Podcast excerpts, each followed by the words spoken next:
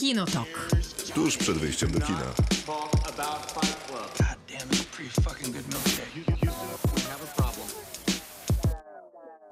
Krzysztof Majewski.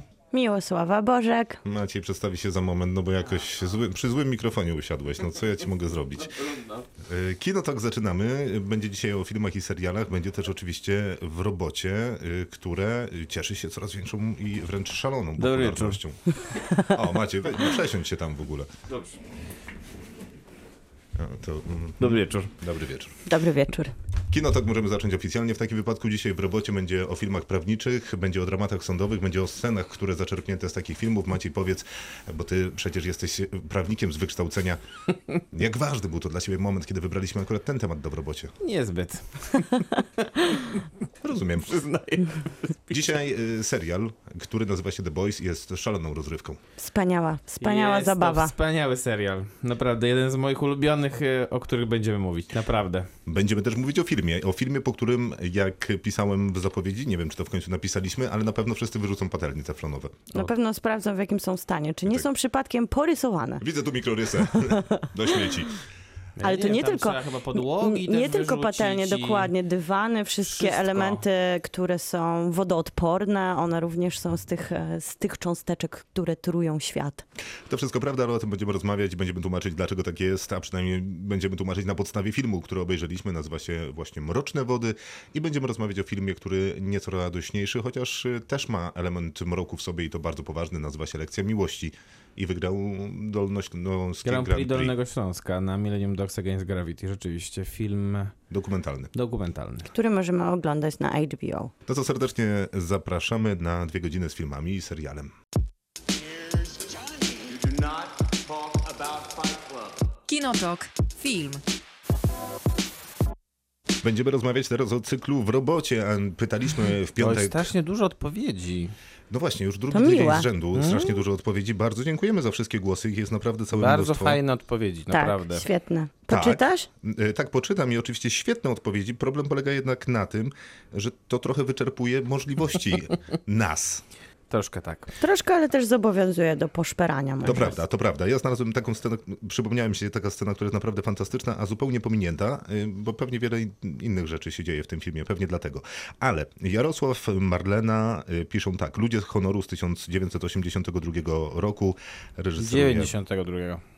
92. Na no, pewno. No, A powiedziałeś 82, wydaje mi się. Możliwe, ale wcale nie chciałem.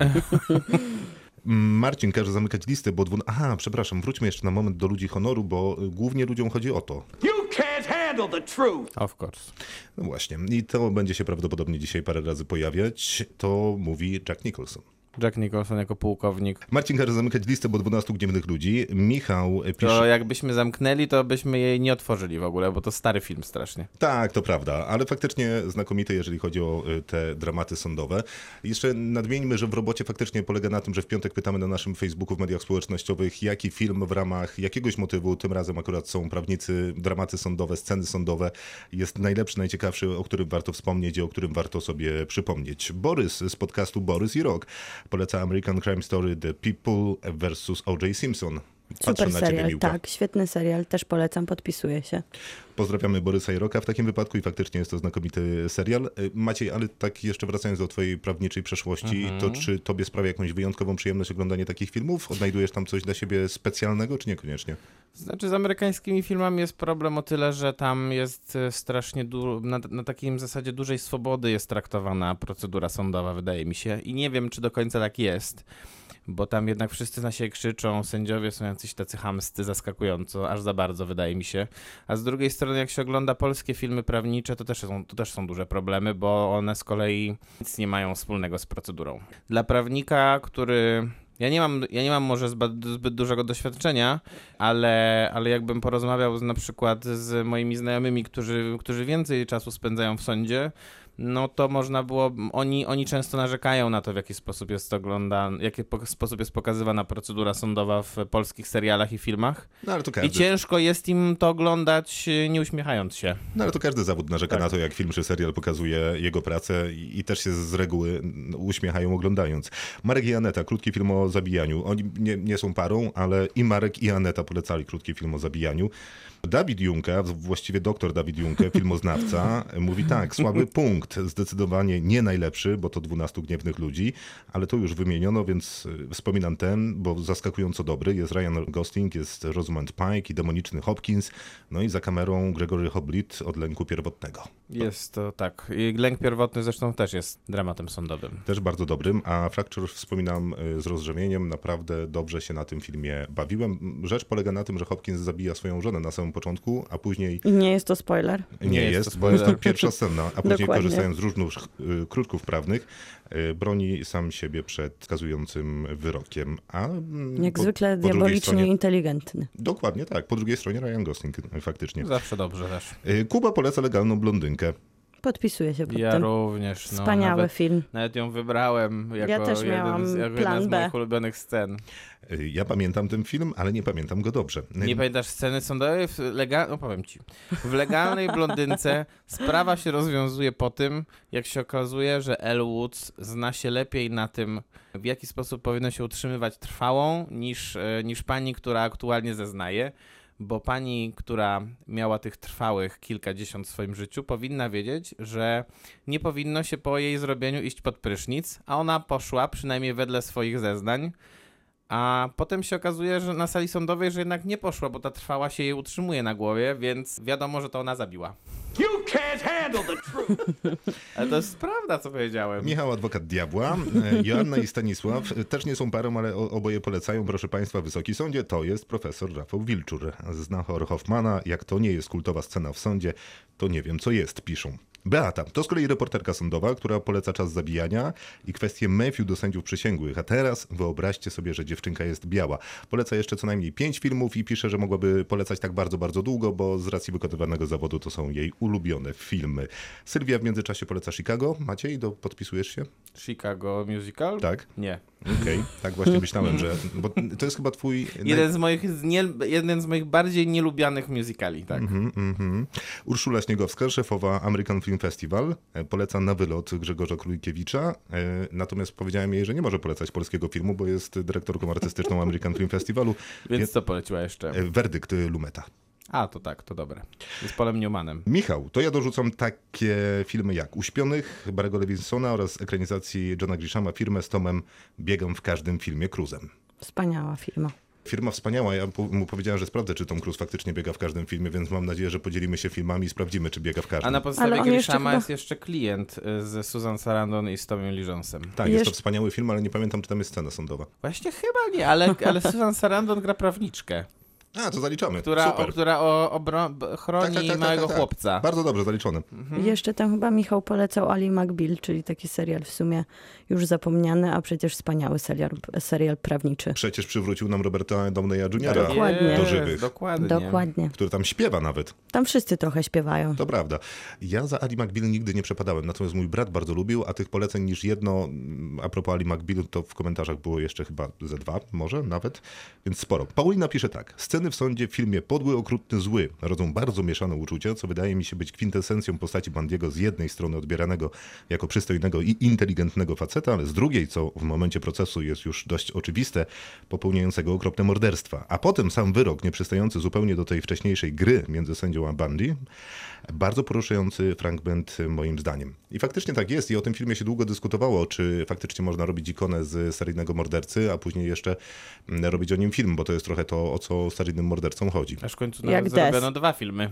Tak, to prawda. Dokładnie tak jak z Des. I Marek, może już na koniec, to ja dorzucę jeszcze czas zabijania i całkiem udane w swym klasycznym podejściu tylko sprawiedliwość, a z klasyków wiadomo, You can't handle the truth. Tak wyglądają polecenia, których było dobrze ponad Dużo setkę. była, tak. Mhm. Bardzo dziękujemy i zapraszamy na za tydzień. Tam będziemy prosić o kolejne polecenia z filmów albo scen, które mają jakiś konkretny motyw. Będziemy grali natomiast z The Boys dzisiaj prawie cały program muzyka z tego serialu, bo jest jej tam bardzo dużo, bardzo dobrej, Dynamicznej na pewno. dynamicznej, ale też z powodu tego, że główny bohater Huey, znaczy jeden z głównych bohaterów Huey, e, jest absolutnym fanem Billy'ego Joela, o czym rozmawiał w drugim sezonie, to tego, Wielokrotnie. ten artysta będzie się dzisiaj wielokrotnie pojawiał. Ale zaczynamy od filmu Easy, The Boys Are Back in Town.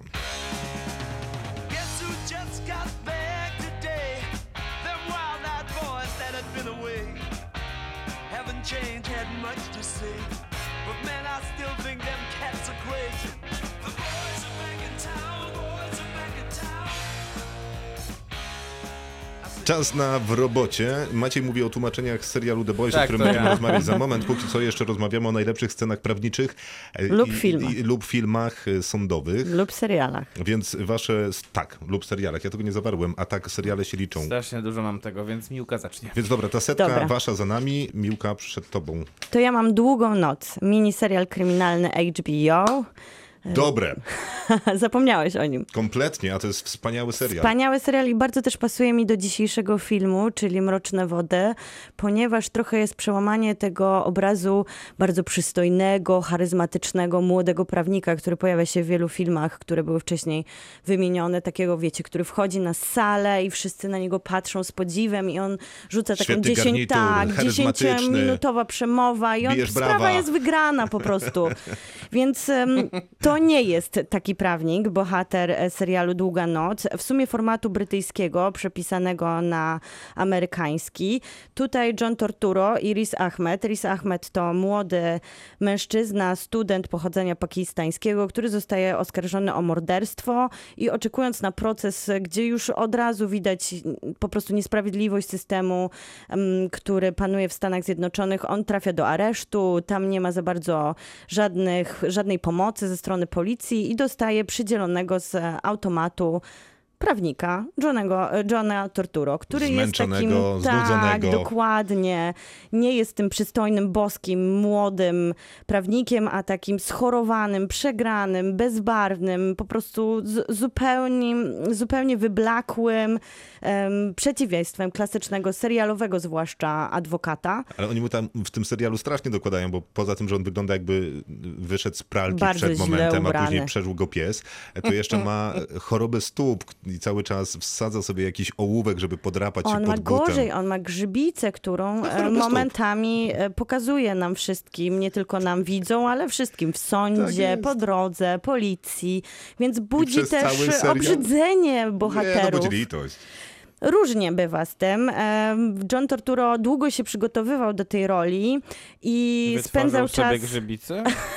To myślę, że jednak ktoś mu Nie, to, wytworzył bo, na potrzeby bo to serialu. się cały czas powtarza, wiesz, i, cały czas ktoś mu daje jakąś dobrą radę, jak tą grzybicę należy leczyć. I on na przykład owija to w Tak, w taką taśmę, on taką specjalną, folię, tak. oblewa to octem, ale są też bardzo wzruszające sceny, kiedy stoi na ulicy i patrzy na buty skórzane, takie piękne i eleganckie, których nosić nie może, bo on ciągle nosi sandały ze względu na tą chorobę. I to jest taki jego sen, który też jakby właśnie jest tym snem, snem prawniczym prosto z serialu, bo takie właśnie buty noszą ci prawdziwi prawnicy, ci, którzy zarabiają, ci, którzy, e, którzy karierę rozwijają. I on współpracował z takim słynnym, cenionym prawnikiem Terrym Montgomery, który jest właśnie takim no taką gwiazdą prawniczą w Stanach Zjednoczonych, a on zbudował zupełnie innego bohatera. I tutaj też Riz Ahmed zaczął swoją karierę właśnie tym serialem Długa Noc. Później mogliśmy go oglądać coraz więcej i no Dostał wspaniała... nagrodę Emmy. Tak, ten serial w ogóle był dokładnie nominowany do Złotych Globów, dostał e, sporo nagród. No i obnaża słabość uprzedzenia amerykańskiego wymiaru sprawiedliwości. Wspaniała, krótka, zamknięta seria. Można dalej oglądać na HBO Go. Absolutnie fantastyczna rzecz. Maciej, prawniku drogi. To ja mam troszkę scen. Znaczy, nie drogi. Podstępny, Jestem tani. sprytny, przenikliwy. Ja wybrałem parę scen raczej niż, e, niż jedną ten, bo to można było scenę wybrać, tak? Czy Można. nie? Tak, ale jedną. Można. A dlaczego jedną? W sensie możesz Ja wymienić parę, ale zdążę- musisz wskazać tę zdążę jedną. więcej. Aha, dobrze, więc ja zdążę dużo. E, to tak, po Patrz, jak się pierwsze... wybronił, jak prawnik. Po pierwsze, e, oczywiście, jakby tutaj nie będę wybierał jednej sceny, bo to jest serial, który ubóstwiam od, od, odkąd powstał, czyli 7 sezonów żony idealnej, warto byłoby zawsze sobie nadrobić. Co za ulga, myślałem, że I powiesz Suits. wspaniale, Nie, nie. E, Czyli I też. garnitura. E, i wspaniale idea, sprawa idealna trzeba polecić. Tak, i to wszystko Maciek. na Amazon Prime do Nie, obejrzenia. sprawa idealna na A, przepraszam, a żona HBO. idealna na Amazon Prime. E, a poza tym e, te polecane sceny, poza tą legalną blondynką, która już mi odpadła, to jest tak. Po pierwsze, jest taki, był kiedyś taki mm, film na HBO, który się nazywa Norymberga. Tak. e, O Trybunale Norymberskim. Mhm. I tam jest jedna wyśmienita scena, w której Alec Baldwin jako główny, główny prokurator amerykański e, przesłuchuje e, Briana Coxa, czyli aktora, który teraz występuje w sukcesji i gra tam główną rolę. Gdzie też jest A- sporo dobrych A w. Norymberdze gra Hermana Geringa i e, jest to naprawdę, myślę, że wiarygodny obraz tego, jak wyglądał proces norymberski tych głównych nazistowskich e, zbrodniarzy. Okej. To jest pierwsza rzecz. Druga rzecz to jest coś, co miało bardzo dużo e, adaptacji telewizyjnych i filmowych. Po angielsku to się nazywa Inherit the Wind, po, po polsku Kto sieje wiatr. To jest taki stary bardzo proces, znaczy bardzo stara sztuka, oparta, na, na której oparty jest proces, a chodzi o to, że facet e, postanowił nauczać teorii Darwina w, w jednym z bardziej zacofanych amerykańskich stanów. Za co został wtrącony do więzienia i do tego miasteczka, w którym Czekaj, nie rozumiem. A y, teoria Darwina była nielegalna? teoria Darwina była nielegalna, bo należało uczyć tylko teorii kreacjonistycznej A, e, powstania okej, świata. okej. I e, został wtrącony do więzienia i z tego powodu do tego miasteczka e, przyjechało dwóch prawników, e, z których jeden to był były kandydat na prezydenta, który bardzo mocno wspierał kreacjonistyczną teorię powstania świata, a z drugiej strony taki liberał, który postanowił bronić jego prawa do e, wyrażania własnych poglądów. No świetna rzecz. Bardzo jest rok? dobra rzecz. To, je, to są lata 50. Yy, Film ze Spencerem Tracy, oryginalny. Potem wystawiany też na Broadwayu, w Londynie. Yy, Bardzo dużo tych adaptacji. W końcu też adaptacja telewizyjna, między innymi z Jackiem Lemonem, więc wszystko aktorzy, którzy już nie żyją, niestety. Eee, I co jeszcze miałem tutaj? Aha, wiem. Eee, I z ostatnich rzeczy to jest w sumie nieoczywiście prawnicza rzecz, ale wydaje mi się, że pokazująca w jaki sposób prawnicy są jednak okropni. Eee, I to jest historia małżeńska. Film, w którym prawniczka grana przez Laura Dern jest pokazana w sposób absolutnie odpychający. Ale też drugiej- kompletnie przejaskrawiony. Przeskrawiony, Tak, a po tak. drugiej stronie jest z kolei prawnik grany przez Alana Aldę, y, który e, jest pewnego rodzaju jednak człowiekiem zasad, ale przez to, że jest człowiekiem zasad, to nie ma szans w kontakcie, w kontakcie z taką brutalnością, którą reprezentuje Laura Dern. A na koniec jeszcze film Macieja Ślesickiego Tato. To jest film z jedną z najlepszych, wydaje mi się, ról Bogusława Lindy. Film, w którym Bogusław Linda walczy o swoje dziecko. I tam są sceny sądowe naprawdę, nawet z punktu widzenia sądowego, ciekawe, wydaje mi się, bo e, są tam sceny, w których po prostu oni rzeczywiście, z jednej strony Bogusław Linda, reprezentowany przez Krystynę Jandę, a z drugiej strony Dorota Segda, walczą o swoją córkę w sposób tak emocjonujący, że. Maciej, warto. ta jedna Maciek. scena. A, No to już, to już wskazałem wszystko, oglądałeś- co chciałem. Nie no, jedna, s- miałeś wybrać Ale to jedną. Fajnie, wy- że powiedziałeś sześć. Ale opowiedziałem sześć i wy, to jest moja a oglądałeś jako, duża. jako młody chłopiec Jack Wojskowe Biuro Śledcze? Nie. Nie oglądaliście żadne z Nie, was? ja oglądałem parę, parę odcinków, w sensie też- wybranych, nie, ale nie oglądałem jakoś tam tydzień w tydzień, czy całymi Bo tam od- też sezonami. dużo Bo było tam, sezonów. tak, Pewnie i było. tam było bardzo dużo I i, Easton też. takich prawniczych elementów. Dobra, żeby zamknąć ten element, bo nam się trochę przedłuża, ja przypominam Zdrajcę, którego recenzowaliśmy parę tygodni temu. Marco Bellocchio, absolutnie znakomita rzecz. W zasadzie cała połowa filmu to jest proces sądowy, który jest... Tak, to jest maxi proces. E, y, Dzieje się w sądzie, y, czy też w zasadzie w jakiejś hali piłkarskiej. Odbywa się tam wszystko. Jest tam mnóstwo emocji, zagłuszanie sędziego, zagłuszanie procesu, próby przerwania go. e, Ludzie siedzący w zasadzie w klatkach na sali sądowej, krzyczący do zeznającego tytułowego zdrajcy. Świetna rzecz, y, fantastycznie zainscenizowana i też kompletnie nie wiem, jak wyglądają włoskie sądy, ale jeżeli wyglądały No, to tak w czasie taki, maxi to procesu, taki zainscenizowany super. sąd bardziej, wydaje mi się. Tak, tak, ale ja później sprawdzałem po obejrzeniu filmu, Mhm. jak wyglądały zdjęcia z faktycznego maxi procesu i ta mm, hala, to miejsce, w którym y, odbywał... wyglądało właśnie. Tak, tak, tak, Mhm. tak. Być może się różniło w detalach, ale wydaje mi się, że twórcy filmu starali się powtórzyć to, co było. A i tak faktycznie. najważniejsze jest to, co mówi Jack Nicholson. Zawsze. A, poczekaj, no nie jestem No, gotowy, no, no, no, poczekaj, przepraszam, poczekaj, no, ale- zaskoczyłeś mnie. No ale widzisz, ale jednak... I to jest prawda. najlepsza scena prawnicza w historii kina, Jest i nie będziemy z tym dyskutować. Ja chciałem tylko przypomnieć jedną, która mi się bardzo podobała, która trochę nie przylega do filmu, chociaż z drugiej strony powinniśmy ją dosyć łatwo skojarzyć. To jest Skyfall. I tam jest scena, w O. której Judy Dench jako A to nie, jest M... scena, to nie jest scena prawnicza. No jak to? To jest komisja śledcza. No ale w, w, w Izbie Gmin to nie do końca prawnicze rzeczy.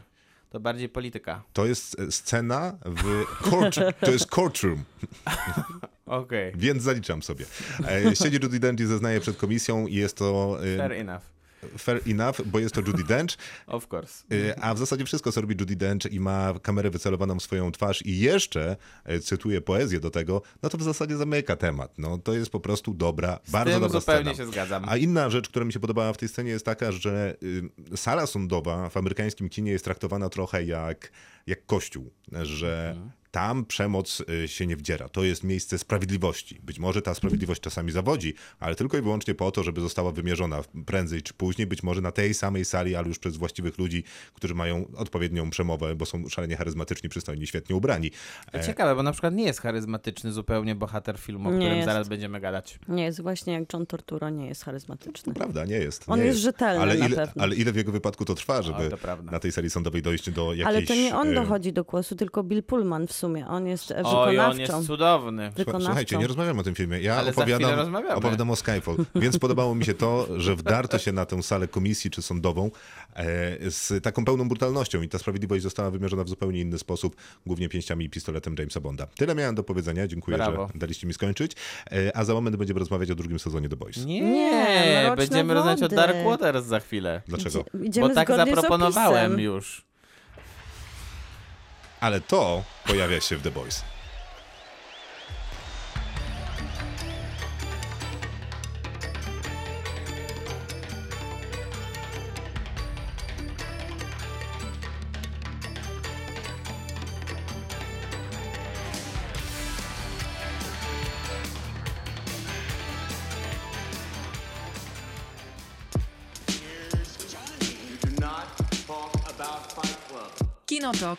Film.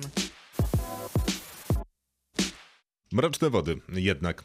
Tak. Tak. No bo to się ładnie wiąże tak, tak, z tak, naszym oczywiście. tematem prawniczym. Prawnik, który stał się najgorszym koszmarem DuPonta, to był artykuł, który pojawił się w New York Times Magazine w 2016 roku i był tak naprawdę powodem, dla którego powstał scenariusz Mrocznych Wód. No a tak naprawdę to już ta sprawa była dosyć mocno nagłaśniana w Stanach Zjednoczonych. Jak pisze o tym Chociaż, e, chociaż tak naprawdę już DuPont, który oczywiście teraz ma inną spółkę, która nazywa się inaczej, żeby zamaskować tamtą spółkę, stracił aż 7 punktów, e, kiedy w 2019 premiera Mrocznych Wód w Stanach Zjednoczonych się odbyła, czyli i oni się już przygotowywali na to, że skoro pojawi się film, który będzie troszkę obnażał prawdę o teflonie, to jednak ludzie zareagują negatywnie. No ale I... firma istnieje i, I ma się świetnie. Zapłaciły- zawsze. I ma tak? miliardy. I Zapłaciła jakieś grosze, zresztą w scenie, w filmie jest scena, w której chyba właśnie Mark Ruffalo wylicza, że a, trzy dni produkcji teflonu, naprawdę poważna No kara. naprawdę, ale w końcu, na samym końcu jest podane, ile tak naprawdę stracili na Tak, tych tak, tak, tak, wszystkich bo ty- em, settle, e, jak Bo oni rozwiązali mówi, proces. ugodach. Tak jest. I to też e, nadal trwa, trzeba przypomnieć, bo to nie jest Mhm. tak, że ta sprawa się skończyła. My oglądamy film, który już e, w pełni wyczerpał te możliwości skarżenia DuPonta przez ludzi, którzy są monitorowani w tym momencie, co wynika z opowieści filmu przez, przez organy medyczne, bo to nie wiem, Tak, tak, przez naprawdę, lekarzy. tak, przez lekarzy. Ale jakoś tak spróbujmy zacząć od y, początku. To Heinz faktycznie reżyseruje. Y, Mark Ruffalo w roli głównej, w roli prawnika, który pracuje dla chemicznej, y, dla różnych chemicznych korporacji, przynajmniej jego kancelaria pracuje, jego kariera się rozwija, on pracuje ciężko i jest takim już dosyć I uznanym. zostaje partnerem. Tak. Tak jest. Y, Uznanym Osiem lat prawnikiem. już e, broni firmy farmaceutyczne. kawał czasu. E, No i pojawia się ta informacja DuPonta, o DuPont, a to za sprawą jego babci, która mieszka niedaleko miejsca jednej z fabryk DuPont i tam jest farmer, który przyjeżdża do jego kancelarii, w zasadzie dwóch, którzy zgłaszają mu taką sprawę, że ich krowy giną, e, umierają, bo ich zdaniem faktycznie jest to Zatruwane związane jest środowisko. w jakiś sposób przez DuPont. I to jest pierwszy problem z tym filmem, który mam, który później mi znika, ale jakby w tym momencie, to jest może siódma minuta filmu, może dziesiąta, kiedy ci dwaj farmerzy wchodzą do tego wieżowca prawników, to jakby wiadomo, jak ten film się skończy. No i to trochę, jeżeli... Ja na przykład wiedziałam już dużo o sprawie, więc wiedziałam, Ja nie wiedziałem nic, skończy. zupełnie nie znałem, to znaczy gdzieś słyszałem, że była taka sprawa i wiązałem teflon z, y, y, z tą firmą, ale jakby zupełnie nic nie wiedziałem o tym, co będzie wydarzało się dalej. No jakby dosyć jasne jest to, co będzie się działo w filmie. W sensie to się przewija, że ta duża korporacja, że on ostatecznie przecież zdecyduje się odwrócić tyłem do tych chemicznych firm, którymi y, się, w których się specjalizował i zarzuci swoją karierę na rzecz wyższych ideałów, więc będzie walczył no, tego szarego człowieka. Ten szary człowiek tak samo sobie mówi. I No, to, ale nie ma Ale tutaj jestem takiego trochę zas- heroizmu, Właśnie, o którym jestem mówisz, trochę bo z twojego, bo z twojego A nie, opisu nie, to by wynikało, że to jest jakiś taki pre, pre, pretensjonalny amerykański heroizm prawnika, który nagle postanawia zmienić swoje życie całe I świat. i w ogóle jest bardzo z tego zadowolony niemalże, a tutaj wszyscy są właściwie niezadowoleni wokół niego, że coś się takiego dzieje, łącznie z nim, bo on przestaje zarabiać pieniądze normalne I też. też e, wydaje Mhm. mi się, że trochę można się spodziewać, że to będzie taka opowieść o tym, że właśnie to będzie taki prawnik z pasją, który każdego dnia pełen energii będzie szedł walczyć e, ze złym światem No to jest taki korporacji. zmęczony A to jest facet. taka właśnie historia trochę, jak bardzo można przegrać e, w konfrontacji z tak e, wielką korporacją. Nawet jak się pozornie wygra, to się przegrywa. Dokładnie. I jak żmudna i tak otarta z blichtru jest ta praca, którą musi on wykonać tak naprawdę sam, której nie oglądamy jako taka pasjonująca przygoda w sądzie, tylko bardziej pobyt w piwnicy wśród e, kurzu i po Papieru, prostu tak, żmudnej, i- samotnej pracy. Brutalnie ten film przypominał mi Spotlight, nie wiem czy wam też. W sensie to jest dokładnie ta sama robota, równie dobrze w zasadzie Mark Ruffalo mógłby grać dziennikarza, niekoniecznie prawnika. E, W Spotlight są dziennikarze, a nie prawnicy, a pewnie też I gra mogliby też być... Mark Ruffalo. Tak, więc jeszcze, Dokładnie. łatwiej, jeszcze łatwiej się pomylić. E, Ale faktycznie to też film, który być może trochę jest podobny do Szpiega, czyli Tinker Taylor Soldier Spy, w tym sensie, że te trzy zawody, które w tym rozumieniu stawiania ja kontra system, ja kontra świat, y, bardzo romantyzują często filmy, te zawody. Wspaniały dziennikarz, który tam robi trzy zdjęcia, dokładnie. gdzieś podsłuchał, y, zapisał cytat. Wspaniały prawnik, który właśnie tą kwiecistą mową zmienia Przed kolej. Tak, zmienia kolej rzeczy i w ogóle wszystko już jest pięknie i, i wspaniale. Y, To te trzy, albo szpieg, no James Bond biegnie i tam świat ratuje, jest wspaniale. To te trzy filmy pokazują, y, reprezentują te zawody jako no, taką prawdę, która polega na tym, że teczki są ciężkie, papier tnie ci palce, kaszel od kurzu, generalnie jest beznadziejnie, żona grozi ci wyrzuceniem z domu, albo w zasadzie już nie masz tej żony, e, albo męża, albo kogokolwiek jeszcze innego i w ogóle wszystko jest źle i dostajesz zawału. Chociaż e, tutaj są takie elementy, wydaje mi się, pokazujące, że jednak nie jest tak źle, bo on jednak pracuje w kancelarii, która zwykle broniła takie firmy, a jednak jego szef go wspiera do końca, dając mu całkiem wiesz co? sporo wolności w sytuacji i dosyć dużo pieniędzy. No ale to jest zastanawiające, czy ten szef może się wycofać z tej sytuacji, No nie bo może, prawda nie jest może. taka, że daje mu jedną trzecią pensji w pewnym momencie, e, czyli jest to dosyć nieuczciwe, a niespecjalnie może się y, wycofać, bo podejrzewam, że mimo, że sprawa przy, y, przycichła, Zainwestował już za dużo No, w to. to, To na A, pewno. on zainwestował dużo, a B, y, przycichła, ale kiedy ten prawnik zostałby zwolniony, to media by sobie akurat sobie wtedy o tej sprawie przypomniały, więc jakby po prostu PR-owo dla dużej korporacji. poza tym w takiej sytuacji- Kancelarii jest to średnio opłacalne. Poza tym w takiej sytuacji, jak się stanie jednak po, po jakiejś stronie, to już nie ma powrotu, wydaje mi się, yy, w konkretnej tej sytuacji. To znaczy, oni co prawda bronili na początku tych firm chemicznych, farmaceutycznych, ale jak stanęli przeciwko tej jednej wielkiej, prawdopodobnie największej, no to już nie mogli wrócić, nie mogli postawić. To tak jak jest ta scena, w, w, w której jest ta taka narada dotycząca tego, czy w ogóle rozpoczynać ten proces zbiorowy. Mhm. E, I tam e, niektórzy ci prawnicy wciąż mają wątpliwości, czy, mm, czy, czy, czy nie da się przypadkiem zrobić tego kroku wstecz. bo i wrócić do tej historii, którą, którą ta firma reprezentowała, ta firma prawnicza.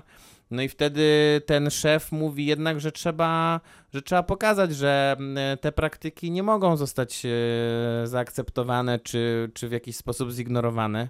Świetnie gra to Tim Robbins, zaskakująco duża jest ta rola em, em, tego aktora, który trochę jest zapomniany, wydaje mi się, Ale bo... który chyba często powtarza właśnie taką rolę, takiego E, może i tak, ale e, to, to, nie jest tak, to nie jest tak do końca prosta i mm, taka, taka stereotypowa rola, wydaje mi się, bo, bo jednak są tutaj jakieś, jakieś momenty, w których e, widać em, jego zwątpienie i widać jego e, takie wa- taką walkę wewnętrzną, czy, czy podejmować kolejne decyzje, które tak naprawdę być może doprowadzą jego firmę do, do e, Upadku. skreślenia na rynku na przykład. A to Masz faktycznie jest oczywiście ciekawe, rację, ale będąc bo- uczciwym, ta jego rola w scenariuszu prawdopodobnie, gdyby spisać wszystkie słowa, które wypowiada, to jest pół strony A4. No ale No właśnie dobrze, tylko dzięki z temu ona strony- się broni, bo ona jest malutka, ale on całkiem potrafi Słuchajcie, zarysować mamy- taki ludzki Mamy tu za to dużutkie role, do, o których możemy porozmawiać. Te drugoplanowe możemy zostawić sobie może na końcówkę Nie, nie, no ale rozmowy, ciężko, ciężko zostawić, ciężko mam nadzieję, zostawić, wrócimy za moment. ciężko zostawić e, e, rolę jednak aktora, który jest znakomity. To, to jest bardzo, do, przecież znany, dobry aktor, który nie przez przypadek został tu obsadzony, I który mi broni Jasne. właśnie te luki scenariuszowe. Bardzo dobra rola, nie mam postaci. żadnej wątpliwości. No to zostańmy jeszcze przy aktorach e, na moment. Mark Ruffalo jest dyżurnym nośnikiem trudnych emocji, trudnych postaci e, w- ostatnio w No filmach to na i pewno serialach, odnosisz się do, to wiem na pewno, serialu HBO, który, recenzowaliśmy. Na tak, i który się składa odnosi. się z trudności Tak tylko jest. i wyłącznie. I to jeszcze w wypadku podwójnej roli Marka Ruffalo, bo on przecież gra braci bliźniaków tam.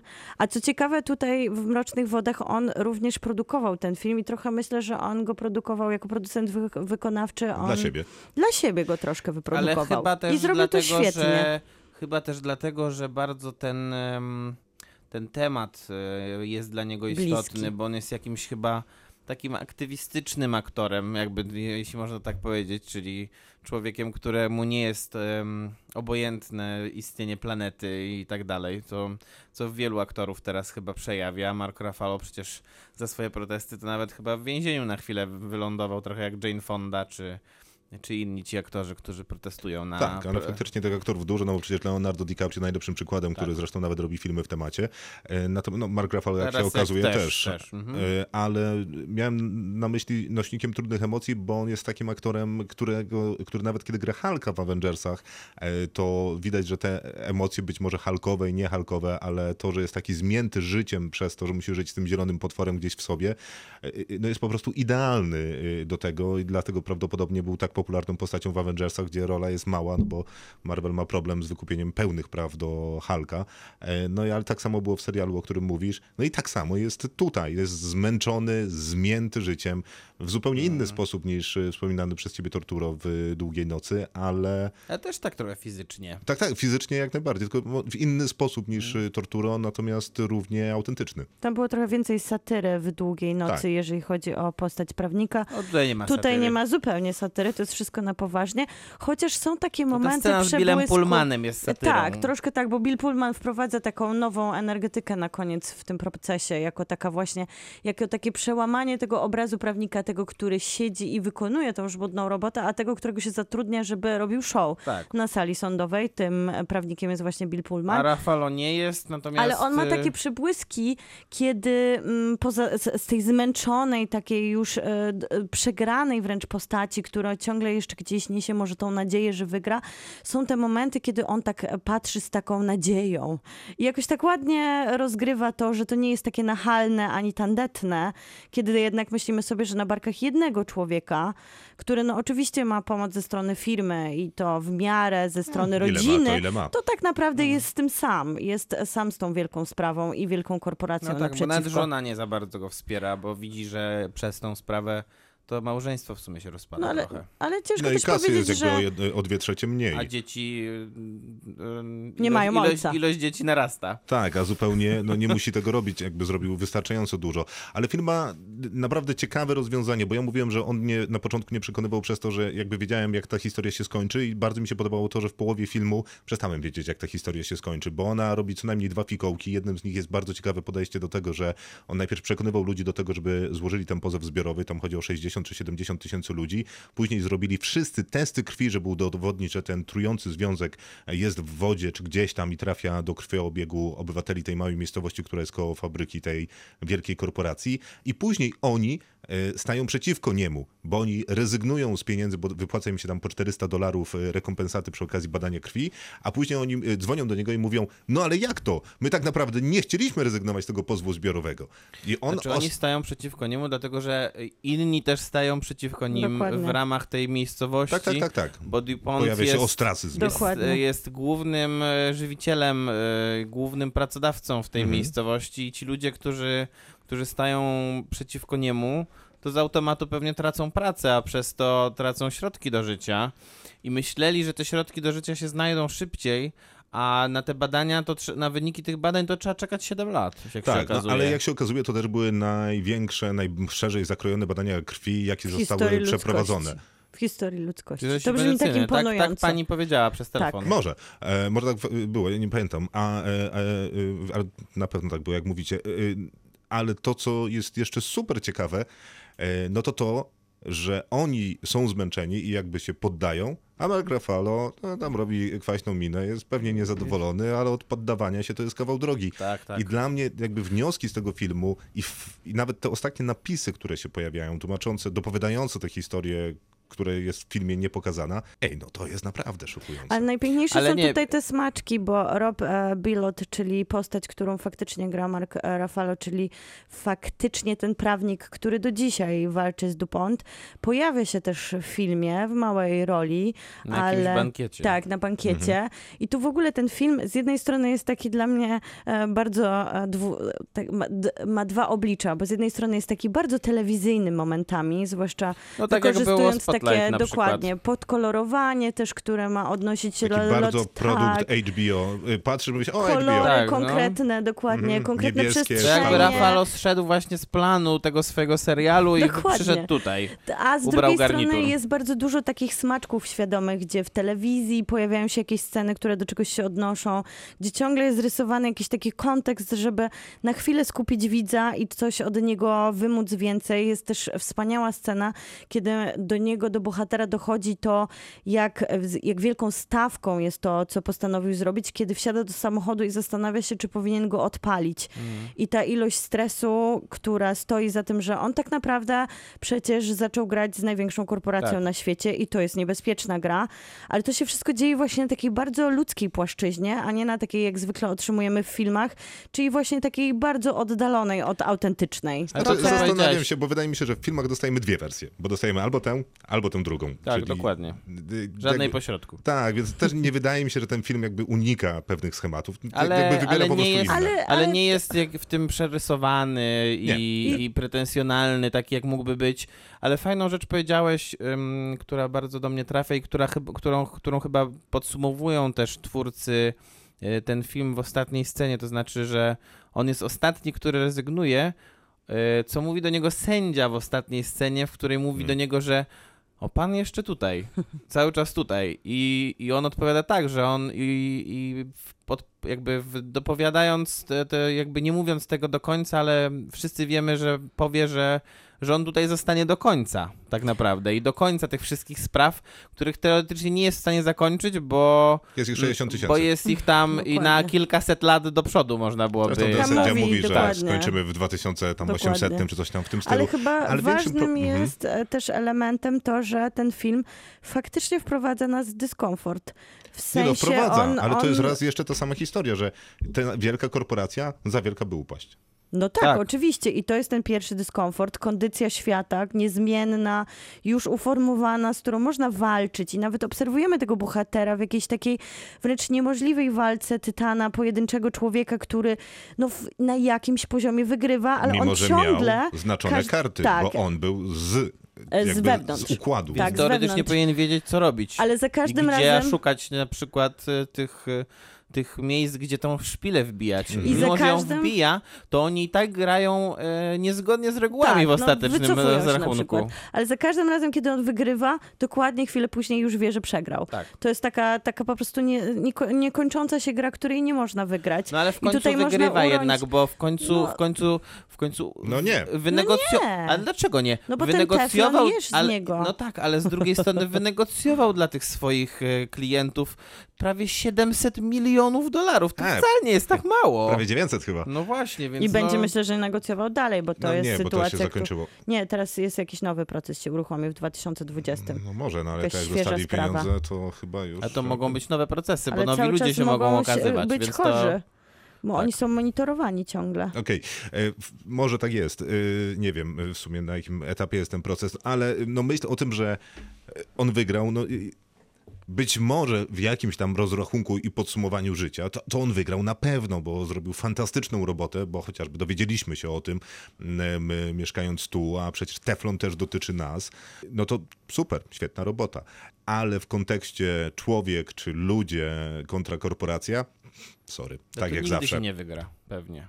No, obawiam się.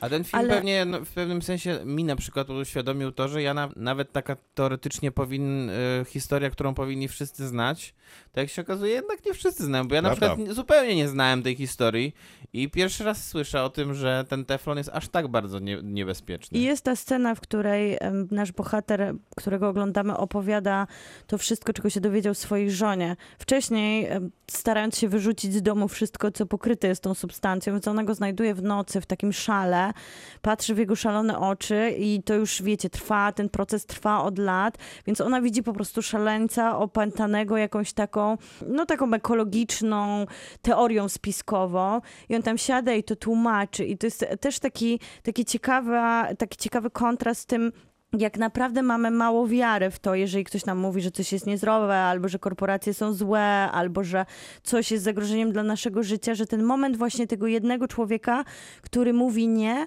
zawsze na początku jest ubrany w ten element wariata, który najpierw reprezentuje ten farmer, który tak naprawdę tylko dzięki Bilotowi może no, umrzeć z honorem, kiedy dowiaduje się, że ta sytuacja jest rozwiązana na jego korzyść, a nie zostaje tym samotnym wariatem z umierającymi krowami na jego oczach. Masz oczywiście rację. Y, Jeszcze jedna rzecz, która jest fatalna, to to, jak skonstruowane jest amerykańskie prawo, jakim cudem y, Fatalna. korporacja Może chemiczna się może się samoregulować odwołuje, i powiedzieć, Ale to co jest więcej, zdrowe, a co nie, co zgłosić y, Amerykański, chce, sąd, to zgłosi. amerykański Super. sąd najwyższy kiedyś stwierdził, że korporacja jest człowiekiem.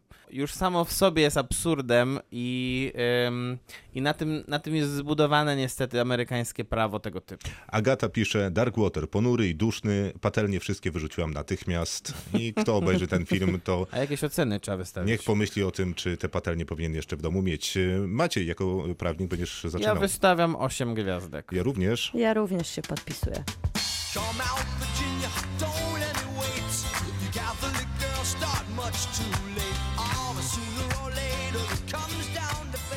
Większość, bo nie wszystkie, ale prawie wszystkie piosenki, które graliśmy wcześniej, pochodzą z serialu The Boys z sezonów pierwszego albo drugiego. No w zasadzie poza Eltonem Johnem Made in England, którego zagraliśmy przed momentem, ale pewnie też mógłby się akurat pojawić w tym filmie. Jest tam, nie, bo tam jest Serial.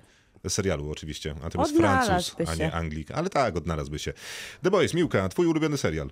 Tak, no na pewno mogę się podpisać i pod, dru- i pie- pod pierwszym, bo ja bardzo promowałam pierwszy sezon, a ty troszkę byłeś mniej zachwycony. Ja w ogóle byłem niezachwycony. I w ogóle bardzo mi się to podoba, jak e, świetnie i płynnie przeszedł z tematyki, bo nie będziemy robić spoilerów, nawet chyba przy pierwszym sezonie, Mhm. bo może kogoś zaprosimy do tej przygody z boysami, ale bardzo mi się podobało, jak to, jak zakończył się pierwszy sezon, wskazywałoby na możliwość opowiedzenia kolejnym sezonie pewnego wątku, który się no dosłownie Nasuwa. pojawił w A, tak. praktycznie z samej końcówce finału pierwszego sezonu i ona jest praktycznie niekontynuowana w drugim sezonie. To jest wspaniały zabieg, bardzo go szanuję. No, to prawda, bo ja w sumie nie pamiętałem o tym zabiegu. Y, Miło, że przypominasz. I to Y, jest Krótkie takie well do serialu. done. Tak, to jest serial na podstawie komiksu Erika Kierpkiego, który zrobił dla Amazon Prime, czyli w sumie dla, takiego, dla takiej platformy, która w Polsce, a nawet w naszym programie jest rzadko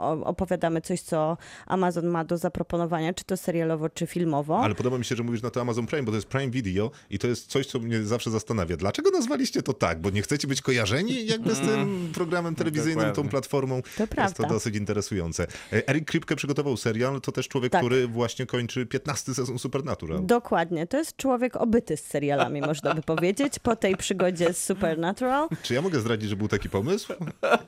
Tak, możesz. Myślę, że Jaki? się nie jeden fan o wzruszy. Nie. Był taki pomysł, bo Maciej ogląda bardzo mało seriali. Znaczy, od kiedy robi z nami podcast, to ogląda ich bardzo więcej, dużo. Tak. Ale kiedyś oglądał bardzo mało, więc chcieliśmy, żeby nadrobił całe serialowe doświadczenie ludzkości i y, podjął wyzwanie obejrzenia 15 sezonów Supernatural w, w przeciągu najbliższego roku, bo to wypada prawie jeden odcinek dziennie. No to, ale to kie- kiedy mam zacząć? No nie wiem, od jutra? Bo wiesz, że w ogóle Jensen Ackles, który gra e, w Supernatural, będzie grał w trzecim sezonie Ba- The Boys. Bardzo mi to zresztą y, Jest pasuje. to wspaniała informacja. Maciej, podejmujesz wyzwanie y, Supernatural, czy nie? Podejmuję. Naprawdę? Wow, No, Oszalałeś? no, ale jest to dziwne. Wiesz, wiesz że masz z 340 odcinków do obejrzenia? wiem, wiem. Dobrze, to będzie... Może nie dziwne, to jest nawet podniecające, Tak, że to- Maciek się tak. podjął tego wyzwania. Będziesz miał osobnego bloga na ten temat. Ale bardzo podobne są tak naprawdę... Będę pisał codziennie na Kinotoku o kolejnym odcinku. Taka I będzie to dokładnie recenzja. taki sam post zawsze. Pierwszy se- sezon jest naprawdę dobry. Gareth Ennis i Derek Roberts są to ludzie, którzy przygotowali e, komiks, na podstawie którego Tak. powstało The Boys. Dokładnie. Gareth Ennis zresztą jest współautorem mojego ulubionego komiksu Kaznodzieja. Dokładnie, który The też- Preacher, który miał swój odsłona serialowa Tak, też na, też na Prime Video. Dokładnie. I tutaj, no właśnie taka Erika Kierpkiego była obietni- obietnica, że on będzie mocno przystawał do tego, co proponuje komiks, czyli będzie bardzo dużo krwi, będzie bardzo dużo wulgaryzmów, będzie to bardzo taka satyryczna, wulgarna, przemocowa, wspaniale rozrywkowa opowieść i odważna, bo jednak e, padały słowa przed e, pierwszym sezonem, że jest to coś, czego w telewizji nie było i można w sumie się zgodzić przy drugim sezonie, że jest to faktycznie bardzo świeża i odstająca od takiego zwłaszcza uniwersum superbohaterskiego, bo to jest najważniejsze i kluczowe, o czym The Boys opowiadają, to jest satyra na temat superbohaterów, których zwykle dostajemy, zwłaszcza w świecie Marvela, pokazanych jako takie wzorowe jednostki, które W świecie oczywiście DC mają... tak. Które oczy, Oczywiście. Które mają oczywiście jakieś ludzkie problemy, ale to są, to są ludzie, których chcielibyśmy... Tak, Mhm. to są bogowie, którzy mają albo nadane, albo z urodzenia supermoce, a tu jest świat, który tak naprawdę korporacja reprezentuje tych superbohaterów, PR-owo sprzedając ich właśnie dokładnie tak, jak myślimy o bohaterach DC i Marvela, ale tak naprawdę pod tym płaszczykiem superbohatera, pod tym kostiumem kryją się dosyć obrzydliwe jednostki, które poprzez to, że mają Nie, myślę, supermoce, tak po prostu obrzydliwa. Nie, do, bez dosyć, bez dosyć. Oni, oni są po prostu wszyscy straszni. No prawda. nie, no jest jednak jest tutaj ta bohaterka Starlight, która tak Nie, nie, naprawdę... Jeszcze. No to, to w sumie w drugim sezonie jest trochę sugerowane, że tra- transformacja z tego, że no masz na tyle siły, żeby pokonać praktycznie każdego, no może nie przedstawiciela swojego gatunku, ale każdego innego człowieka, no daje Trochę ci poczucie wypacza. wyższości, tak, no. Tak, tak, tak. Ale historia jest podzielona na właśnie superbohaterów, którzy zasiadają w siódemce, czyli są taką y, Avengersami, czy Ligą Sprawiedliwości, kimś takim. tymi- I The Boys. e, I The Boys. e, Tak. Czyli w sensie ci wilanci. najpote- najpotężniejsi, czyli ci, którzy siedzą w wieży y, i spoglądają na ludzkość z góry. I No trzeba zaznaczyć, mają najlepsze kontrakty z Tak, korporacji, tak. która włada prawami do czyli nich. WOT.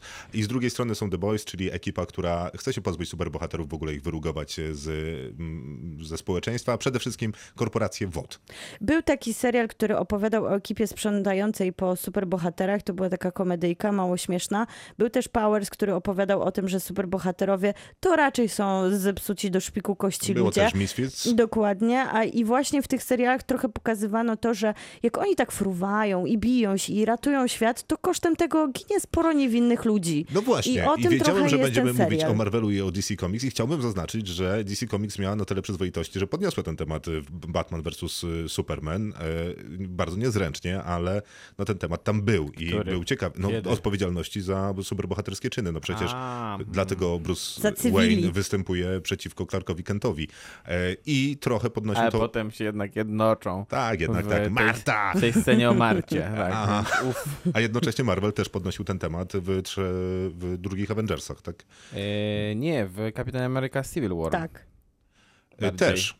No ale nie wiem, bo ta odpowiedzialność za cywili pojawia się w Sokowi, kiedy pojawia się Iron Legion, tego Ironmana. No jakby pojawia się ten temat gdzieś No, na Ale trzecim planie. bardzo, Tak, bardzo tak, tak, daleko planie, jasne. zarysowane i tutaj no, to chyba jest najważniejszy temat, chociaż w drugim sezonie ten element opowieści zmienia się na bardziej polityczny, ale to może zaraz dodamy. Dokładnie, No i, teraz- i to wprowadzenie jest też takie, że to jest bardzo specyficzny serial i jeżeli ktoś widział pierwszy sezon, to zupełnie ta estetyka drugiego serial, e, sezonu go nie uderza, ale jest to se, serial taki podany w takiej estetyce mocno przerysowanej, kiczowatej, takiej brutalnie telewizyjnej momentami, który przypomina nam o tym, że telewizja wyglądała źle, który właśnie satyryzuje te seriale, które się nie udały z perspektywy seriali superbohaterskich, które pojawiły się w telewizji, które wyglądały jak przebrani w kostiumy superbohaterzy, którzy na przykład siedzą na... E, na Marsie albo w kosmosie i wygląda to żenująco.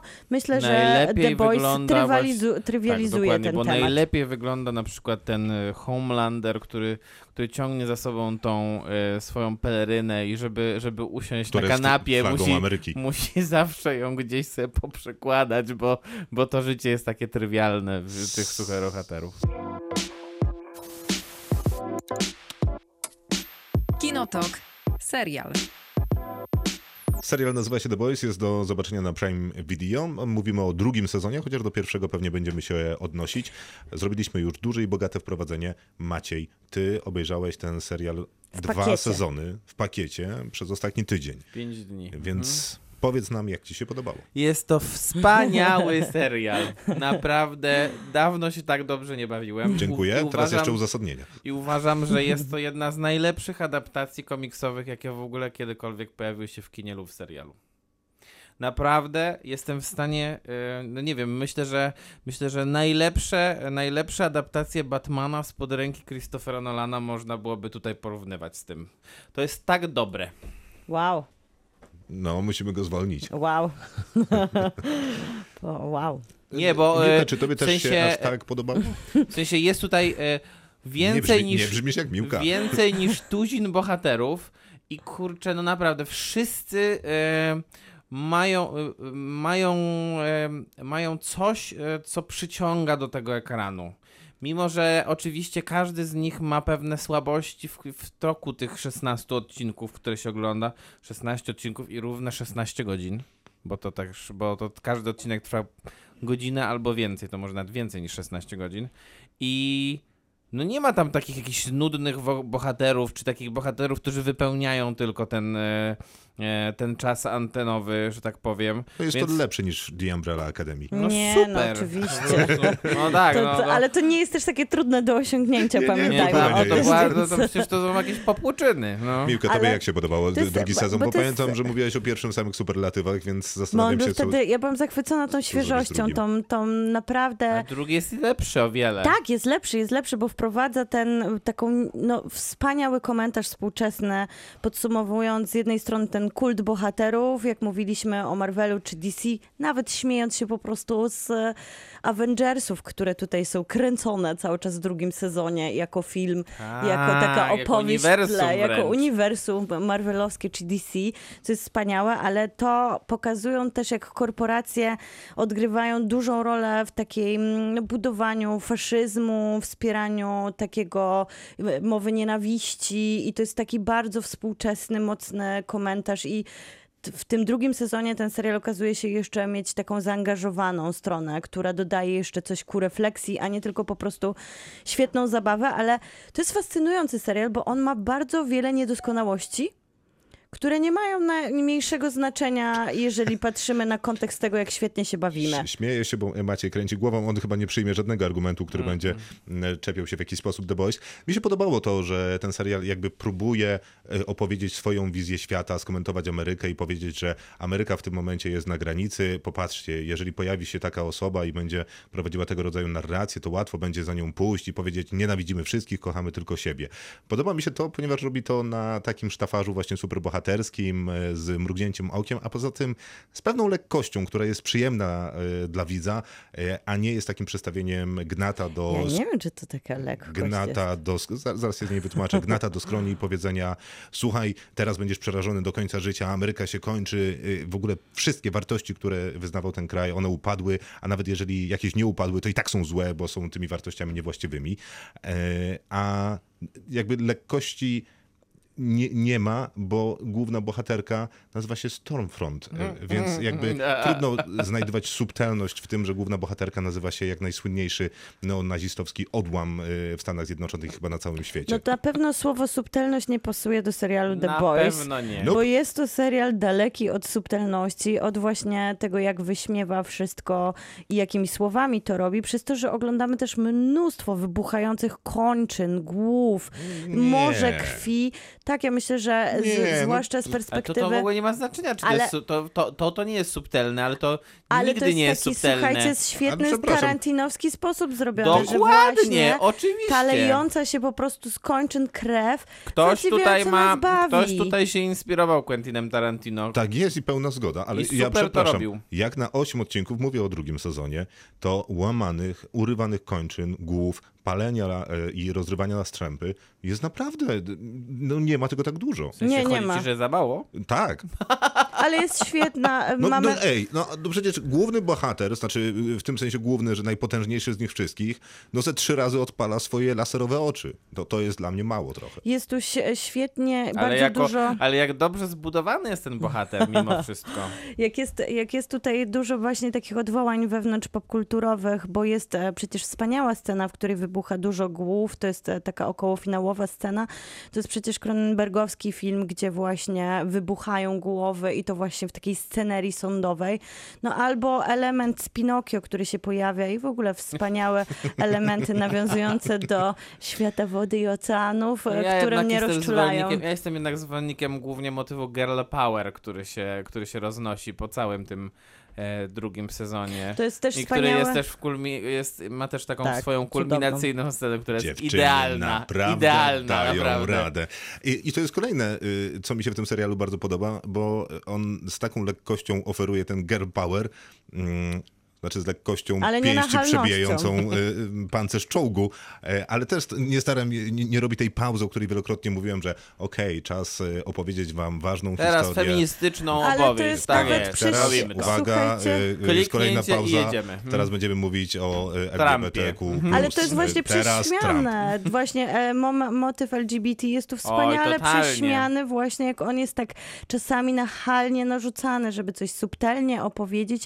Nie trzeba tego w kółko powtarzać, jak to się dzieje w wypadku jednej z bohaterek. Mało tego, można się nawet pośmiać. Można Mhm. się nawet uśmiechnąć, a tutaj świetnym zabiegiem jest pojawienie się kolejnego elementu, a kolejnej członkini siódemki, czyli nowej bohaterki, o której już wspominałeś, czyli Mhm. Storm, w Stormfront, granej przez Aję Cash, która wspaniale gra tą rolę.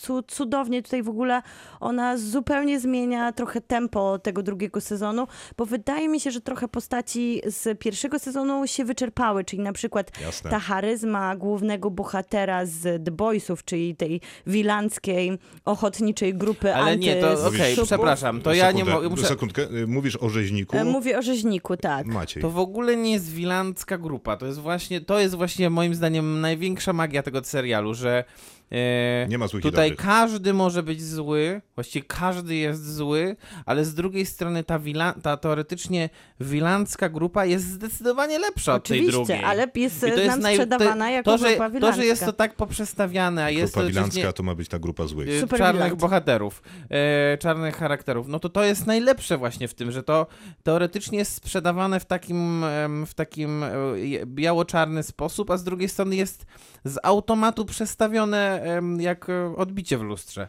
Tak, To jest naprawdę super. Zupełnie mnie to nie obchodzi. A dlaczego cię to nie obchodzi? No bo, no bo ten serial... to jest super, nie, ale to jest coś, coś, to jest coś totalnie z, em, unikalnego, jeśli Zwłaszcza chodzi, jeśli chodzi o świecie, su, świat Superbohaterów. superbohaterów. Bo zawsze Okej, ale masz... zupełnie mnie to nie obchodzi. Jest tam na tyle dużo dobrej zabawy i... A tak, Ale to też przykład- jest przecież element dobrej Ale zabawy. jest- No może, ale to nie jest ten element, który bar- y, tak mnie y, bawi. O wiele bardziej bawi Znaczy mnie nie- ale rzeźnik deklamujący Okej, no to- swoje to może ci- jednoznaczne, jednowymiarowe y, Ale komentarze. myślę, że to jest właśnie si siła tej satyry, że ona stawia wszystko w krzywym zwierciadle, czyli to, co dla nas było zwykle taką opowieścią o bohaterach, prawdziwych patriotach. Tak, a z drugiej strony jest- musieli być jacyś... Jest wykrzywieniem właśnie i musiał być zawsze ten zły przeciwnik, wróg, czy nawet rasa, która stała w przejąć coś, opozycji. tak, mhm. To po prostu ta satyra to prześmiewa i wydawałoby się, że pod tą płachtą superbohaterską tylko czai się śmiech, wulgaryzm i brutalność, ale to jest całkiem, zwłaszcza ten drugi sezon, spora refleksja na kondycję ludzką. Jest, jest i to A zwłaszcza nasze oczekiwania od e, rzeczywistości. Bardzo mi się podobał y, Homelander w tym drugim sezonie, natomiast on był taką e, absolutną siłą, tą świeżością, o której też wspominałaś i czymś takim zupełnie nowym E, i być może tym, co e, tobie Maciej najbardziej odpowiada, ty- tym, że można być złym i złym akurat w jego wypadku. W jego, tak, w jego przypadku tak. E, Chociaż z drugiej strony on ma też takie momenty, w których... Nie ma. Nie, Nie ma. nie, nie, nie, nie to są próbujmy tylko tego. takie nie. momenty przebłysku. Momenty takiej, takiej sztuczności Tak, chyba tak. bardziej. Mhm.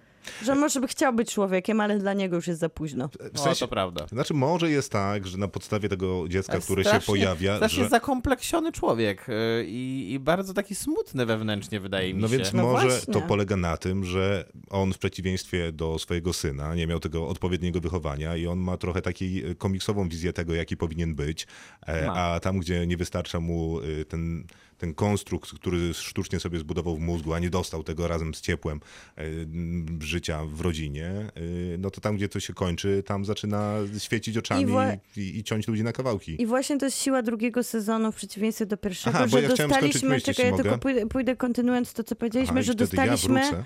bardzo rozbudowane, jakby ten drugi sezon bardzo nabudował nam historię naszych bohaterów, więc dużo lepiej ich poznaliśmy, było trochę ret- retrospekcji do ich przeszłości, trochę opowieści o nich, więc oni się stali tacy pełniejsi i tutaj w ogóle Wszystko on jest taki wielowątkowy, ponieważ jest więcej o miłości, relacjach, to, by, to brzmi trochę cheesy, Bo jest. ale to się całkiem ładnie domyka, jeżeli chodzi o finał i tą całą opowieść.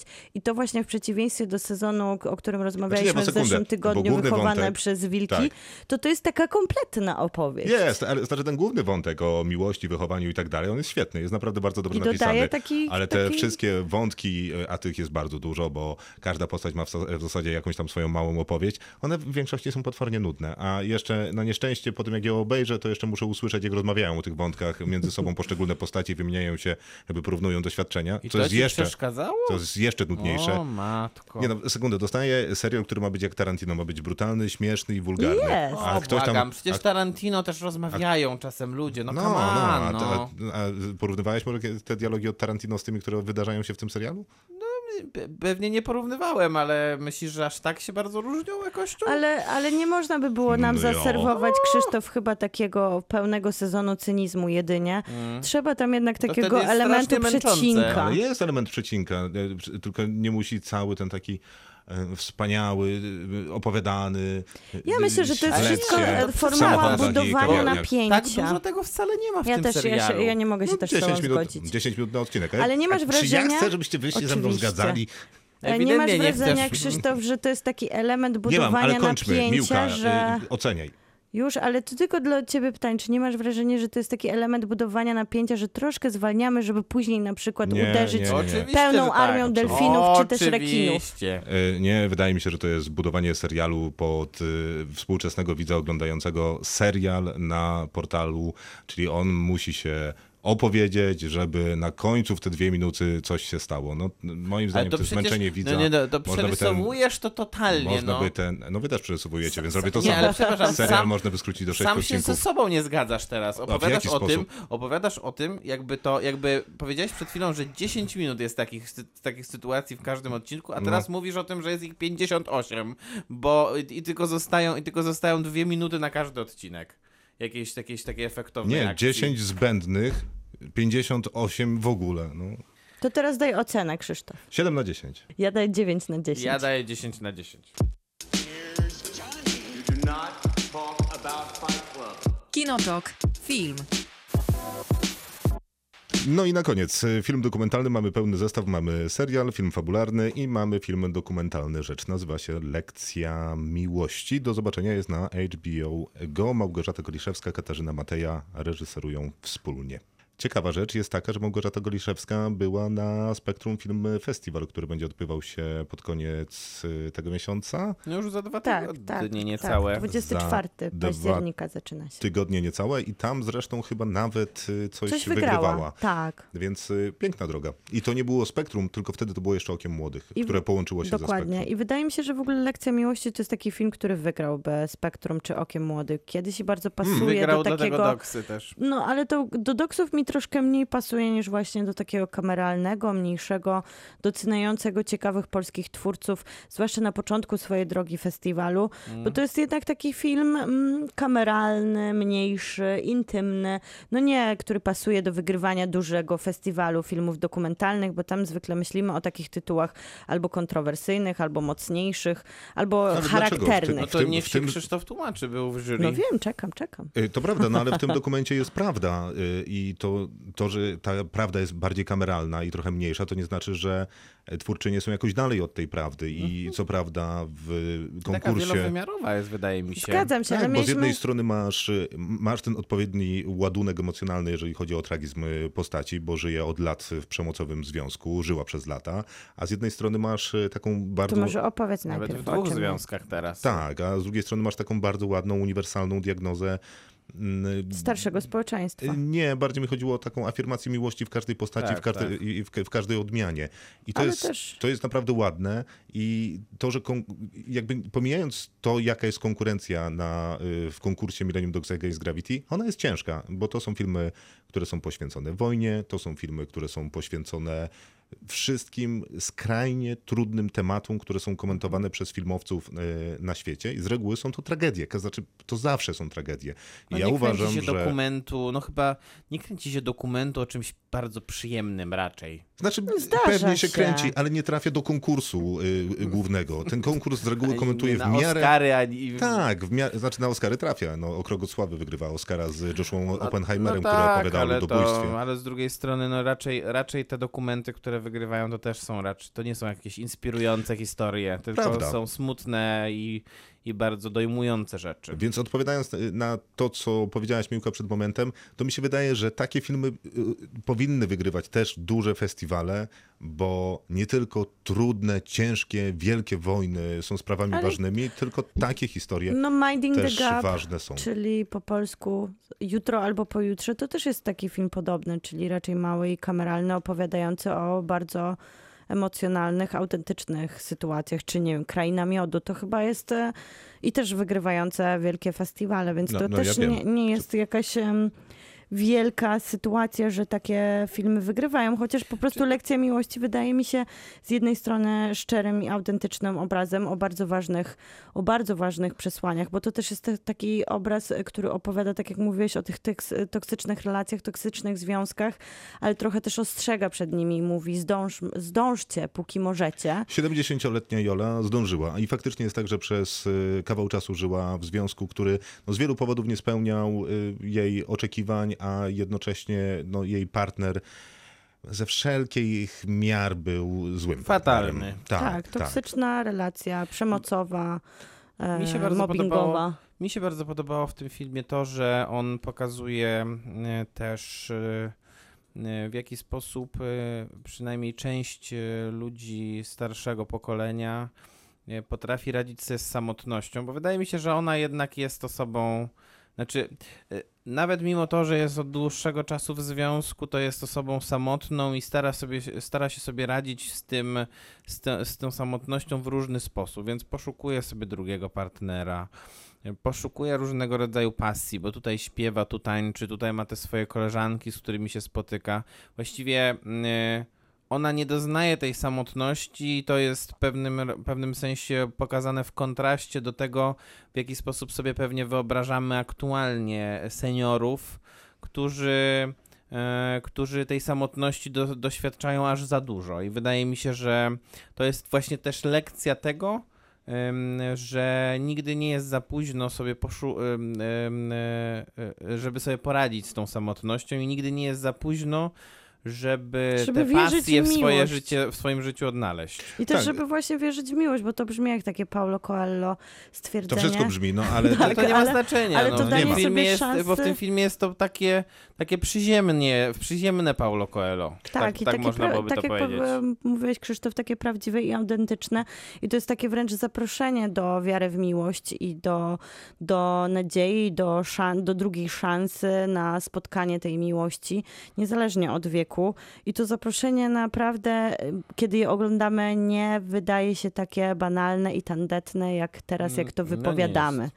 Ponieważ ta bohaterka też tak, ten niesie... film, ten film opowiada to lepiej niż my, to Tak. prawda. Zdecydowanie. Jest na HBO Go, proszę obejrzeć.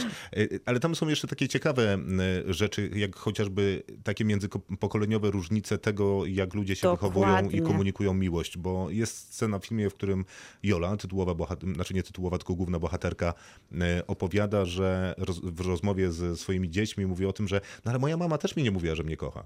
E, Bo dzieci w pewnym momencie zarzucają jej to, że ten kontakt y, córka-matka, e, dziecko-matka był nieidealny. I ona mówi, no ale dla mnie był idealny, to, to był taki, jaki ja znałam. I to też jest taki obraz minionej dekady, innych ideałów i tego, jak Jola reprezentuje takie kobiece piękno, które celebrowała przez całe życie. Ona też mówi do swoich córek, ja nigdy nie wychodziłam źle ubrana z domu. Ja za, ona jest po prostu damą. My oglądamy Ona ma inną kobietę. ideę też piękna. No tak, to oczywiście, ale to też właśnie te, to są te różnice pokoleń, te różnice bycia, t- trochę pojmowania bycia kobietą z perspektywy Znaczy, lat. Jola też jest charakterna i charakterystyczna Oczywiście. i lubi, Tak, tak, i lubi to w sobie. Ale to jest, to jest w pewnym sensie, dlatego takie charakterystyczne i No dlatego tak, ale jakby, jakby nie była, to nie byłoby takiego filmu Dokładnie, pewnie. To prawda, ale- dlatego takie postaci do głównych ról dobieramy. Yy, tak, tylko że to nie jest. yy, Opowiadamy ich historię Dokładnie, bardziej. Yy, to jest postać, którą, którą niekoniecznie każdy polubi. Mm, I to jest pewnie jej siła. Ja spotkałem nieświadomy do końca przez moment, kim jest główna bohaterka, i, i razem z reżyserkami w lokalu niedaleko kina Dolnośląskie Centrum Filmowe, w którym wrocławski Millennium Dogs Against Gravity się odbywa. No i pani Jola tłumaczyła właśnie reżyserką, że tutaj niedaleko jest świetny sklep i ona tam kupiła świetny materiał i tak się składa, że one też powinny kupić świetny materiał i ona zaraz pójdzie i im kupi, bo będą miały z tego świetne ubrania. Pani Jola będzie w Świdnicy, tak się składa, więc będzie można ją Na poznać. Jeżeli Spektrum. wszystko tak, wszystko się potoczy zgodnie z planem, to na festiwalu Spektrum pani Jola się pojawi. Na pewno właśnie w swoich wspaniałych kre- kreacjach, które reprezentuje w filmie. I, i to jest też taki, taki prawdziwy dokument, gdzie ta bliskość kamery jest naprawdę taka przełamująca, ta intymność. No, pani Jola zaprosiła twórczynię do swojego życia dosłownie. Jesteśmy wewnątrz e, nie tylko jej domu, ale trochę wydaje mi się, że ona też chyba nie życiu. ma tak. Nie, strasznie, e, trudno, nie- strasznie trudno robić się taki Tak, e, że ona dokument, się obnaża po prostu właśnie przed nie być kamerą. takim e, banalnym w, te, w, tej, w tej I opowieści. tu się udaje. To prawda, a przy okazji zaskakiwało mnie, jak on jest ładnie pomyślany wizualnie, e, w sensie film. E, Ma bardzo dużo bardzo fajnych kadrów. I, Mm. I fajne, no jakby z braku laku, jest y, słowem, które pasuje mi tutaj najbardziej. To nie są takie kadry dokumentalne e, kręcone telefonem. I wiem, że czasami w filmie dokumentalnym, kiedy relacjonujemy na przykład y, wojnę, To nie ta tematyka tutaj. y, tak, to takie kadry mogą się pojawić, ale tu był czas na to, żeby ustawić kamerę i Tak. wymyślić sobie jak, jak, jakiś malarski kadr, a takich jest co najmniej parę, bo by- bywamy też w ciepłych krajach. Mhm. Jest, też, jest też dużo scen z, przed samego domu bohaterki, pani Joli. On mi się, Yeah. One mi się cały czas kojarzyły z szarymi ogrodami, o których tutaj kiedyś rozmawialiśmy. O e, po pierwsze historii prawdziwej, która się wydarzyła, później dokumencie, który powstał na tej historii, a w końcu filmie fabularnym, telewizyjnym, który powstał na podstawie dokumentu o takich starszych paniach, które żyją w takiej niszczejącej już willi, bo tutaj pani Jola też się mierzy z tym, że dach przecieka, że trzeba kogoś poprosić, żeby coś przeniósł, przedstawił. A nie A da z się drugiej poprosić strony- męża, bo Tak, mąż bo- nie, pewno nie kiwnie palcem. A No, poza nowy, tym, nowy partner jest- też ma z tym problem, bo to jego trzeba podnosić. E, dokładnie, tak. Ale Więc- on z kolei naciska na to małżeństwo i na takie formalne zawiązanie wio- związku. To właśnie to są też te piękne właśnie takie znaki czasu, że to jest takie autentycznie ważne dla tego bohatera. Ale przy okazji jest bardzo tutaj, on, on akurat y, nie owija w bawełnę, tylko bardzo wprost to mówi, no jak, nawet jak nie ten związek, czy nie to małżeństwo, to chociaż tak żeby pół tygodnia u niego mieszkała i jemu to by też wystarczyło, bo on jest chyba rzeczywiście szczerze zakochany, czy szczerze związany. I bardzo pragmatyczny w tej miłości. Przy okazji tak, dokładnie, pragmatyczny. No ale y, pani Jola też jest bardzo pragmatyczna, Bardzo. bo ona nie chce z kolei rozwieść się ze swoim byłym partnerem, bo po prostu... Z powodów finansowych prawdopodobnie też, Ale e, piętrzących się prawnych. wszystkich możliwych problemów, Mm, jakie idą za tym rozwodem. Y, no, Ale jest tam też dużo, bo same takie opowiedzieliśmy, jakby to była taka wzruszająca, piękna i czuła opowieść, którą jest, ale jest też trochę takich brutalnych momentów, w których poznajemy jednak męża pani Joli i to są takie, to, to są takie momenty, w których e, człowiek. naprawdę e, wprowadzają w zupełny dyskomfort i naprawdę podpowiadają to uciekaj, jeżeli kiedykolwiek znajdziesz się w takiej sytuacji. No I- pytanie i jest to takie, czy- dramatyczne Czy pytanie jest takie, czy on ym, w zetknięciu z kamerą jeszcze bardziej nie podkręcał swojej osobowości, żeby się pokazać jeszcze gorszym świetle? Ja nie wiem, czy on był świadomy kamery. Strony, Ja jeżeli- też tego nie Jeżeli nie był świadomy kamery, no to znaczy, że jest po prostu przerażającym takim człowiekiem, który nim nie można wiązać żadnej przyszłości. Wystawiać będziemy ocenę, Miłka. 7 na 10. I ja też siedem. No, i- ja 9 w swojej kategorii. To wszystko na dzisiaj w Kinotoku. Krzysztof Majewski, dziękuję bardzo. Miłosława Bożek, dziękuję bardzo. Maciej Stasierski, dobranoc. Jeszcze nie dobranoc, bo przypominamy, A. że jesteśmy na Spotify'u, tam y, szukamy subskrybentów. Gdybyście chcieli nimi zostać, będzie nam szalenie miło. E, Jeszcze Zapraszam. powiem Mhm. tylko, co będzie, o czym będziemy rozmawiać w przyszłym tygodniu, bo jest tak, serial Kraina Lovecrafta, Tak jest. jest Do proces... zobaczenia na HBO, można proces- go nadrabiać. Tak, jest proces siódemki z Chicago w reżyserii Arna Sorkina. Film, który już można oglądać w kinach, w wybranych kinach, natomiast my będziemy go oglądać na Netflixie, bo ma premierę w piątek. Mhm. I dokument Davida Attenborough Życie na naszej planecie. Również dostępne już na Netflixie. A dzisiaj w robocie rozmawialiśmy o prawnikach, You can't handle the truth. a za tydzień będziemy rozmawiać o potworach. Tak? No tak, kraina Ale Lovecrafta, więc trochę ustaliliśmy tu Ale wcześniejsze. potworach w sensie takich w CGI zrobionych? Takich go- potworach. Co chcesz, może być Godzilla, może być szy, coś Mogą y, być z początku, mogą być coś z początku Wiedźmina, y, tego polskiego filmu. Nie pamiętam co to było, to co z wody A, wychodzi. nie Nie, Strzyg, strzyg, to nie była strzyga. Strzyga była było- później, a to było Kikimora. Kikimora. Kikimora. Ale na przykład szczęki To i, je. i wielki rekin to też jest potwór. Oczywiście, że to jest potwór. to jaki jest wielki rekin? Szczęk, Szczęk, szczęki. ten z, z Taki mało Szczęki. wielki, powiedziałbym, był w takich naturalnych we- Jest, jest, wielkości. poczekajcie, No, jest jak na wieloryba. ten najgorszy Rekin? film, który Rekin. się nazywa W Mac. szczękach? Mac? To ja robię szczęki. No, no tak. Ale Rekin zrobiłeś- w szczękach Stevena Spielberga jest wielkości naturalnej. Nie, troszkę większy jest. Nie, duży jest. Ale nie jest tak duży jak wieloryb, ani Nie, nie megalodon. jest, Nie jest. Okej, może- ja nie widziałem rekina na Był żywo. taki bardzo zły film z... Meg się Meg, nazywał. dokładnie. Tak, z Jasonem Stathamem. Dokładnie. I I, ten tam był Szczekin wielki był rekin. duży, tak. Tam był wielki rekin. Ale y, jeżeli Ten ktoś... Szczekin Bardzo powiedziałem. Szczekin. Szczekin. Maciek lubi psy. Ale gdyby ktoś y, miał jakieś pomysły kreatywne na temat y, potworów, to mogą być ludzkie potwory oczywiście, bardzo proszę. Ludzkie potwory? Co to znaczy? Że ludzie tak źli, że Tak potwór. źli, że potwory. A, takie, czyli nie Lovecraftowo. Czyli, ale nic o Nie, nie, lo. Lovecraftowo A najlepiej. może byśmy zamknęli, że to tylko potwory. Jeżeli ktoś kreatywnie udowodni, niech robi co chce. Dobrze. Dobranoc. Zgodziliśmy się na koniec. Pięknie. Dziękujemy serdecznie, do usłyszenia. Kinotok. Tuż przed wyjściem do kina.